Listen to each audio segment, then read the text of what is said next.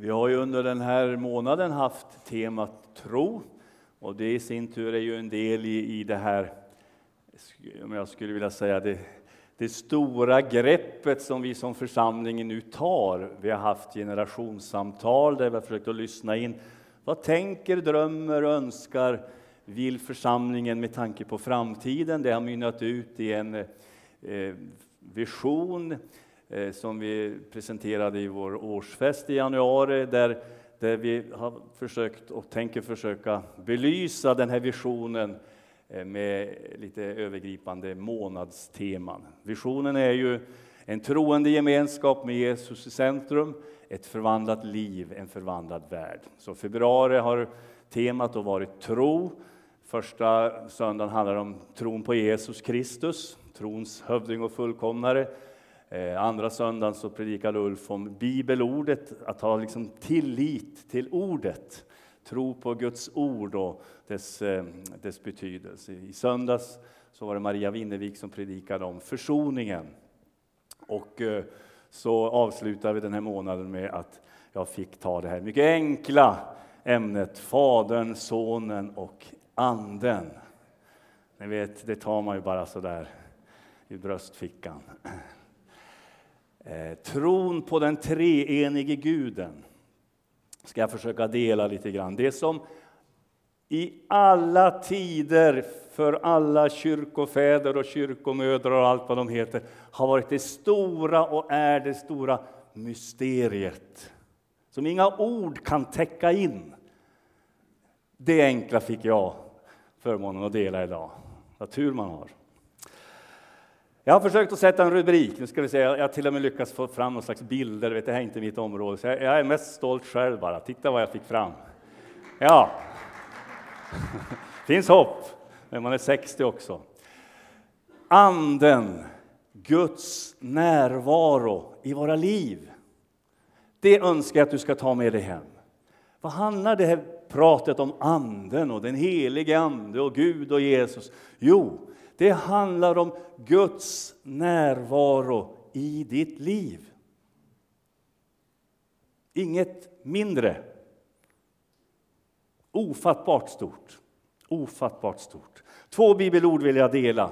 Och jag har dem både på svenska och engelska. Jag vet, kommer inte ihåg vilken översättning, men så här lyder Herrens ord, Andra Mosebok 13. Eh, när Israels barn har förts ut ur Egypten på väg mot löfteslandet, så står det så här. De bröt upp från Sukkot, och slog läger i Etan vid utkanten av öknen. Herren gick framför dem, om dagen i en molnpelare för att visa dem vägen och om natten i en eldpelare för att ge dem ljus. På så sätt kunde de vandra både dag och natt. Molnpelaren upphörde inte att gå framför folket på dagen och inte heller eldpelaren på natten. Alltså en ständig närvaro. Och jag vill även ta ett ord ifrån Efesierbrevet. Paulus säger så här om denne Gud. Därför böjer jag mina knän inför Fadern, han från vilket allt som kallas far i himlen och på jorden har sitt namn. Jag ber att han i sin härlighets rikedom ska ge kraft och styrka åt er inre människa genom sin ande, att Kristus genom tron ska bo i era hjärtan och att ni ska bli rotade och grundade i kärleken. Då ska ni tillsammans med alla de heliga kunna fatta bredden och längden och höjden och djupet och lära känna Kristi kärlek som går långt bortom all kunskap så ska ni bli uppfyllda av all Guds fullhet. Han som kan göra långt mycket mer än allt vi ber om eller tänker oss genom den kraft som verkar i oss. Hans är äran i församlingen och i Kristus Jesus genom alla generationer i evigheters evighet. Amen. Nu hade man kunnat gå och sätta sig. Vilka ord! Guds närvaro i ditt liv. I veckan gjorde jag en nära Gud-upplevelse, faktiskt. Ja, det gör vi ju mer eller mindre varje dag, men det blev så påtagligt. Vi var ute och gick, frugan och jag. Egentligen, om jag ska vara riktigt ärlig, så hade jag velat åka skidor. Men av olika anledningar blev det så vi tar en promenad istället. Man får ta det näst bästa när man inte får det bästa. Vet du. Eh, alltså frun är ju det bästa, men jag menar skidåkning, skidåkning kontra promenad, då är valet lätt, hundra gånger av hundra, om man säger så. I alla fall, vi gick en runda och vi bor i Holmsund. Vi har en hund sedan ett år tillbaka och så har vi ju några, några barn hemma och vår 14-åring Alexander då hade vi med oss. Och så gick vi där och det var ju kallt, så där ni vet, gnistrande. Snön knarrade, solen sken, och jättefin eftermiddag. Och så kommer vi och går där eh, runt gården där vi bor. Man kommer upp på som en liten höjd och så blickar man ut över, och nu måste jag viska, Obbola. Vi från Holmsund, vi, vi ville ha lite, lite sådär. Obbola är ju där och vi är här. Men vi såg Obbola på andra sidan. Otroligt vackert! Solen var stor, orange, glödde. Det var, som ett, det var ett mäktigt eldklot. Den var några centimeter över horisonten. Klockan var cirka fyra. En enorm eh, sol. Men inte nog med det. Ni vet, det är ju lite fabriker där. Och skorstensrök. Jag tror det var fem eller sex sådana här eh, rökpelare.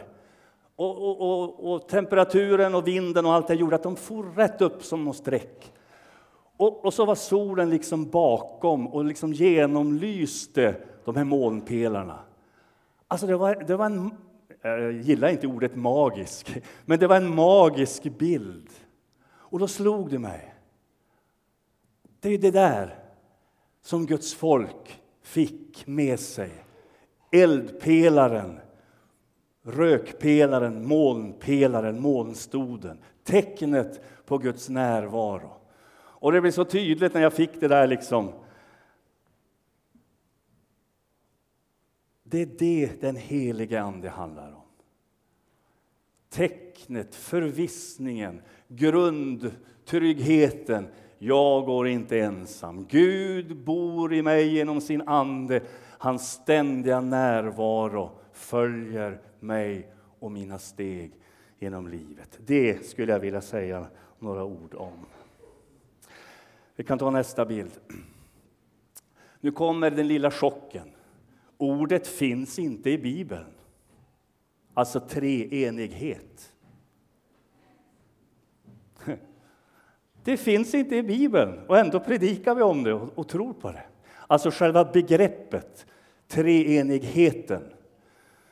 Ehm, däremot, jag ska, naturligtvis så, så, så finns ju det här omnämnt, Fadern, Sonen och Anden. Men själva ordet, vi, vi, vi gillar ju ord. Det, det ordet finns faktiskt inte. Och det är faktiskt så också, ordet väckelse finns inte heller i Bibeln. Och det är som vi ber om varje dag. Men själva ordet väckelse fin, finns inte. Däremot står det att Gud uppväckte, eh, ja, dels fysiska under, men liksom upplivade och uppväckte hans ande så han började si och så och så. Men själva begreppet känner vi så väl till. Vi tror att människor ska bli berörda och liksom väckas till liv från sin slummer och komma till tro.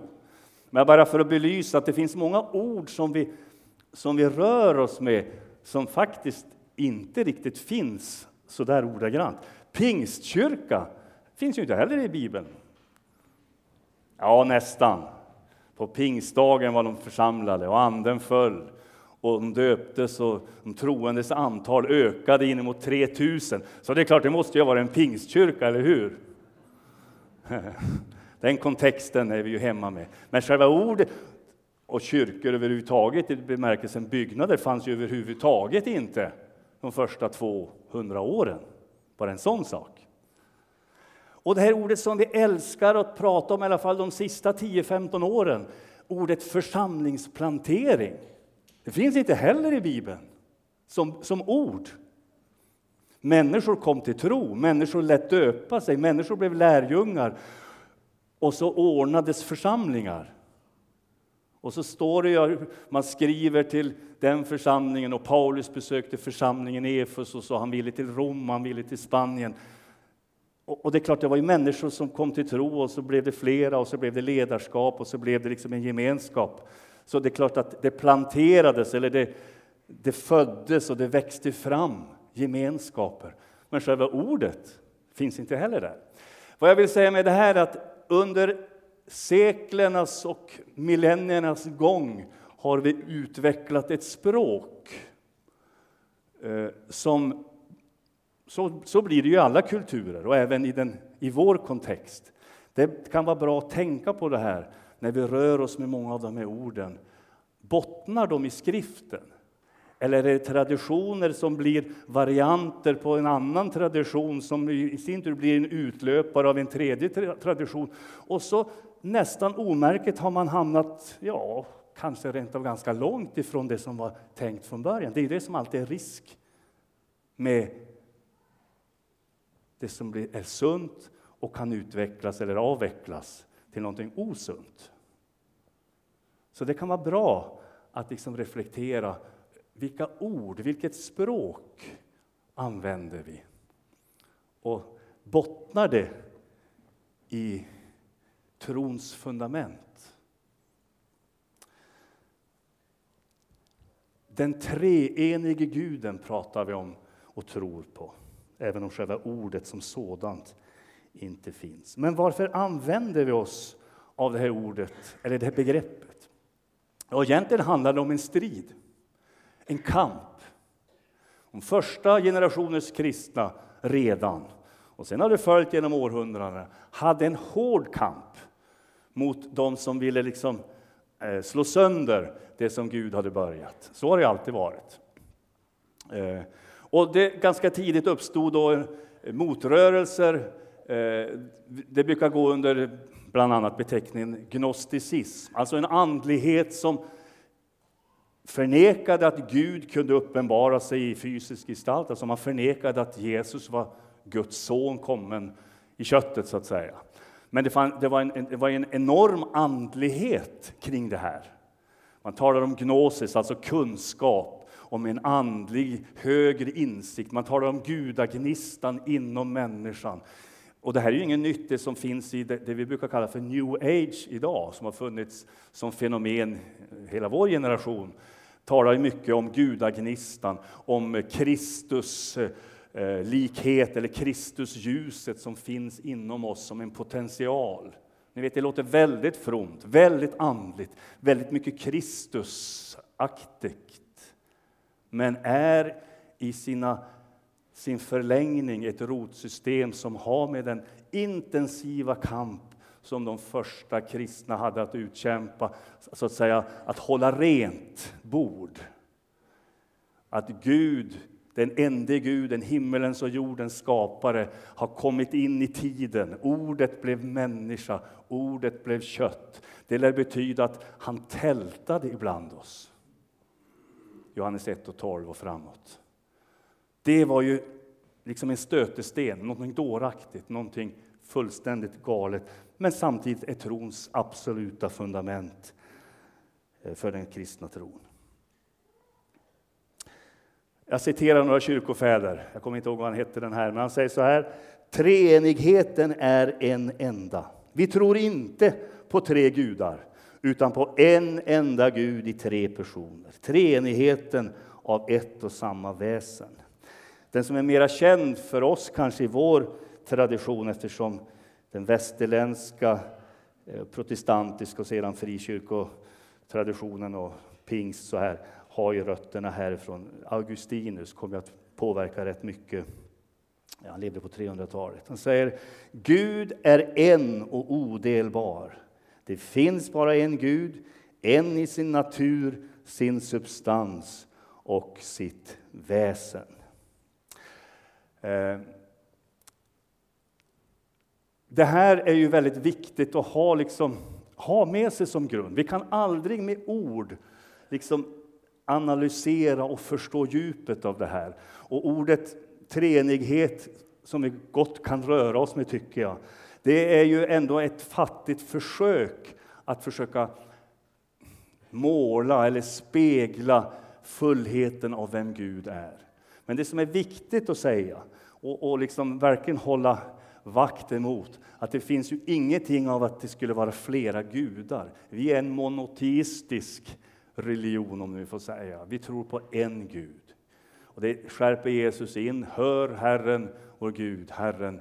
Hör Herrens ord, Herren vår Gud är en. Alltså den, den ursprungliga israeliska trosbekännelsen. Den hade Jesus inga problem att stämma in i. Och det bör inte heller sentida kristna ha att göra. För det finns en Gud som har uppenbarat sig. Gud Fadern, Gud Sonen, Gud Anden, vår hjälpare. Vi kan ta nästa bild. Eh, jag tror det är viktigt att inte liksom göra för mycket teknik och teologi i den bemärkelsen att vi liksom ska bena upp och, och liksom logiskt förstå, även om det är bra med mera kunskap och mera ljus. Utan, alltså, vi tror inte på treenighet inom citationstecken. Vi tror ju inte heller på Bibeln på det sättet att liksom boken är något magiskt i sig, utan det är ju vad bokens innehåll förmedlar. Alltså att Jesus är Guds ord givet till oss. Men det finns ju liksom ingen, det finns ju en fundamentalism som är osund, där, liksom vi, vi, där boken och, och ordens, alltså det blir nästan, det blir en bokstavstro som blir, som blir blind och låser. Det är samma med begreppet treenighet. Det, det är ju inte att vi tillber inte treenigheten, utan vi tillber Gud, vår far, som har uppenbarat sig i Jesus Kristus och som har sänt hjälparen som är av samma väsen, samma, samma slag. Förstår ni skillnaden? En Gud, inte tre gudar. Så gör inte teknik av det här, utan det handlar om det som egentligen inte går att förklara logiskt. Det har alla tider varit något av ett mysterium och det är inget farligt. Vi måste inte förstå allt, även om vi är vetgiriga och vi har en läslust. Och det ska vi uppmuntra. Men tro aldrig att du kan liksom boxa in Gud. Han är mycket större. Gud är mycket större än så. Eh, det här har ju då andra monoteistiska religioner haft problem med och har, det måste vi erkänna. Judendomen, alltså i, i, i allmänhet, de har ju jättesvårt för det här. Gud är en, och det är ju sant. Och att Gud skulle liksom inkarneras och blir människa. Ja, det finns ju en messiansk judendom, alltså judar som lever i sin judiska identitet och erkänner Jesus som Messias. Där blir det lite annorlunda. Men liksom judendom i allmänhet har ju väldigt svårt för liksom det här exklusiva anspråken som kristna i alla tider tillskriver Jesus och som Jesus själv säger, jag är vägen, sanningen och livet och så här, att han är den enda frälsningsvägen och så vidare. Så det, det får ju judarna problem med och det var ju också en stötesten som ni vet. Eh, muslimerna likaså.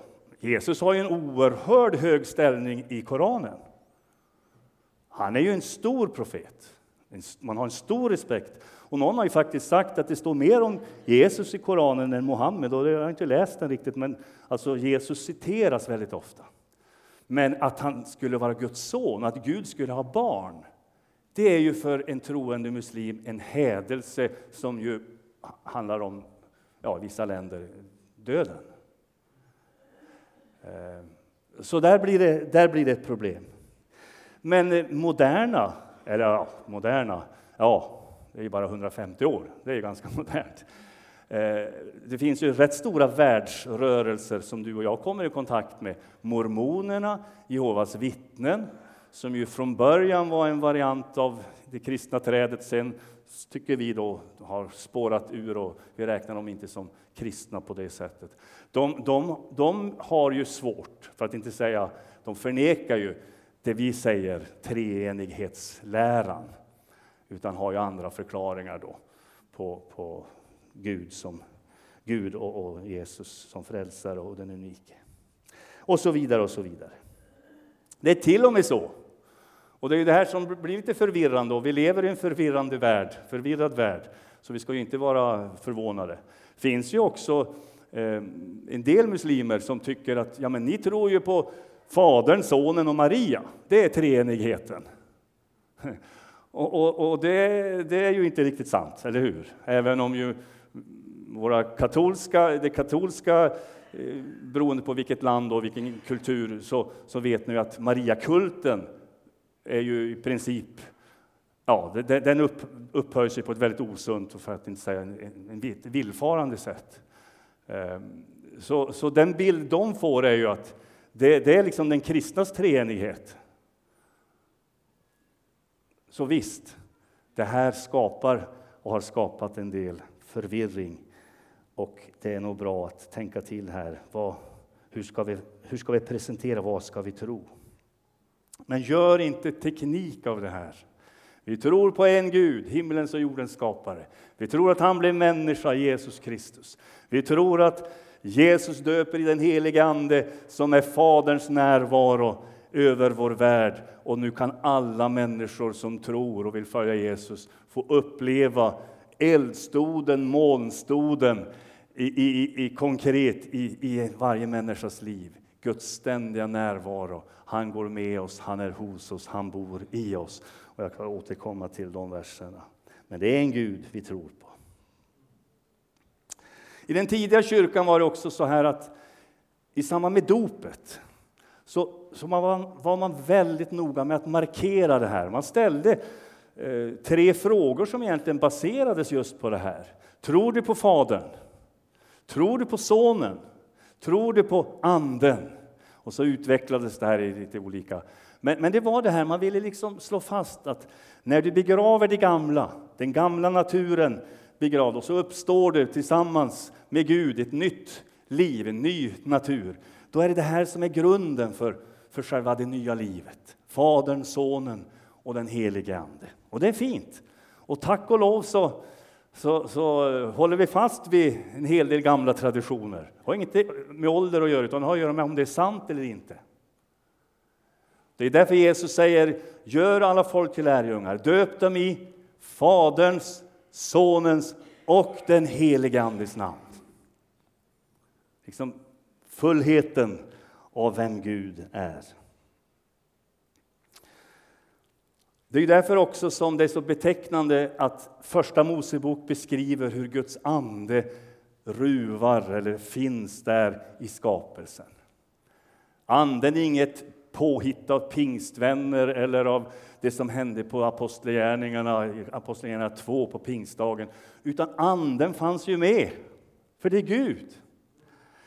Eh, när Jesus döps så är det så tydligt hur liksom Guds fullhet och närvaro manifesteras. Anden sänks över honom, en röst från himlen, den är min älskade son, hör honom. Och Johannes döparen pekar ut Jesus som den gudasände, fylld av ande. Och det jag nämnde nyss, det Jesus ger som befallning. Jag ska faktiskt citera några rader ur den här boken som Pingst gav ut för några år sedan, det teologiska nätverket. Där under kapitlet om ande och andedop så beskrivs anden så här. Det, det tycker jag är bra formulerat, så lyssna. Sidan 266. Anden är alltså med från första början i Gamla testamentet. Utan att det finns en färdigformulerad lära om den helige Ande så möter vi redan i Bibelns första del antydningar och löften om det som sedan blir tydligt i Nya testamentet. Anden är verksam när kaos blir kosmos, när Gud skapar himmel och jord, växter och djur och till sist människans, Guds egen avbild. Anden beskrivs i Gamla testamentet som den som uppehåller allt liv i skapelsen. Det är genom Andens verk som nytt liv tänds bland människor och djur. Markens och grönskans årliga förnyelse är ett verk av Anden. Så det är, det är inga dåliga grejer. Och tro inte att det är pingstvänner som har kommit på det. Det är en villfarelse. Det är, anden fanns från början. För det är Gud vi pratar om. Nästa bild. Jag har inte som Ulf, så jag kan trycka själv. Jag måste ha liksom hjälp. Finns det någon mer bild, Anton, eller ska jag hitta på något? Titta. Ja, det där är liksom tomheten. Nej, det, hittade något innan. Där! Du är ett tempel åt Gud. Du är ett tempel åt Gud. Guds ande bor i varje människa som har sagt ja till Jesus. Det här är ett ord som eh, Paulus starkt betonar, mycket starkt. Egentligen är det ju en förfärlig situation han beskriver, men det är det som är det fantastiska med Bibeln, också det förfärliga Alltså ur, ur, kaos och det förfärliga och destruktiva kan liksom någonting mejslas fram som har med det rena, det goda, det substantiella, det som består. Kapitlet handlar egentligen om, om, eh, om kroppen och att inte liksom prostituera sig eller liksom förnedra sin kropp. Varför? För det var nämligen så att gnosticismen sa att det är anden, det andliga som är viktigt. Vad du gör med kroppen spelar ingen roll, för den ska ju ändå ner i backen. Men det är det andliga som är viktiga. Det är förvillande likt om man inte tänker efter. Men Paulus säger tvärtom. Just därför att du är Guds tempel är också kroppen fin och viktig och helig. Det är ingen eh, benhög bara som ska förmultna. Det är ett tempel åt Gud. Därför ska du inte göra vad som helst med kroppen, för den är så fin. Du ska förhärliga Gud, står det, med din kropp. Så han, han, han har liksom en positiv kroppssyn, människosyn. Det tror ju inte en del. De tror ju att vi är både sexual och kroppsfientliga, men det är ju en villfarelse. Det är någonting vackert, någonting fint, någonting heligt, någonting högt, för det kommit från Gud. Och då säger han så här och utvecklar egentligen i bakgrunden att gå inte till horhusen. Gör inte så med kroppen. Den är tänkt för någonting större, viktigare, heligare. Och så säger han, vers 19. Vet ni inte att er kropp är ett tempel åt den helige Ande som bor i er och som ni har fått av Gud? Och att ni inte tillhör er själva. Ni har blivit köpta och priset är betalt. Vad är priset? Jo, Guds sons offerblod. Jesus köpte oss åt Gud. Här har du treenigheten. Vi har fått kroppen av Gud. Gud sänder sin ande, alltså Guds närvaro i våra liv. Och grunden för det är att Jesus har liksom köpt loss oss från den här fallna naturen för att vi ska leva det nya livet på andra sidan dopet i gemenskap och vara en förebild, en försmak, en gestaltning, en profetisk eh, gestaltning av det himmelska, av det eviga, av det tillkommande, det som Gud hade tänkt från början. Därför är det så viktigt att se helheten, fullheten av Gud. Och där kommer Anden in som en dimension av det här. Alltså Gud, och Guds närvaro i våra liv. Förhärliga då Gud i er kropp, säger Paulus.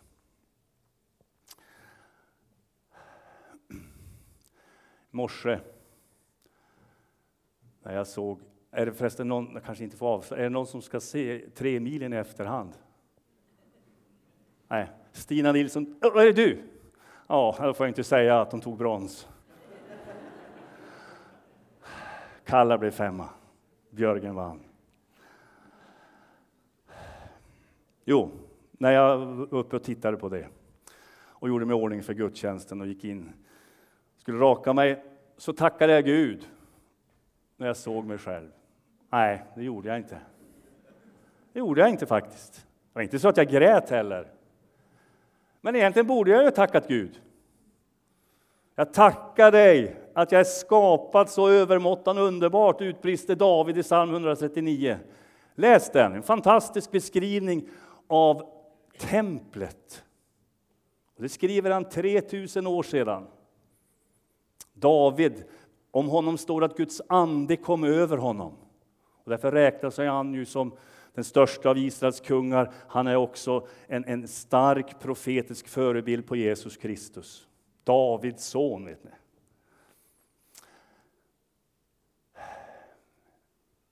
Alltså att se på sig själv utifrån Guds perspektiv. Du är skapad fin, du är vacker. Eh, tänk på det. Vi lever i en tid som är väldigt märklig, där vi å ena sidan har eh, en nästan avgudaaktig eh, dyrkan av kroppen på ett ytligt sätt med träning och fitness och oljor och grejer och allt möjligt för att liksom uppnå det perfekta. Å andra sidan har vi av deprimerade unga människor, vi har anorexi och bulimi och, och, enorma problem som är kopplade till identiteten. Duger jag? Nej, jag duger inte. BUP dukar under och får knappt ihop personal. Ja, ni vet, det är ett enormt kaos som har med kroppen och jaget att göra idag. Och här sitter vi på en guldgruva, och det är lätt att säga här. Liksom de här orden kan upplevas som klyschor kanske.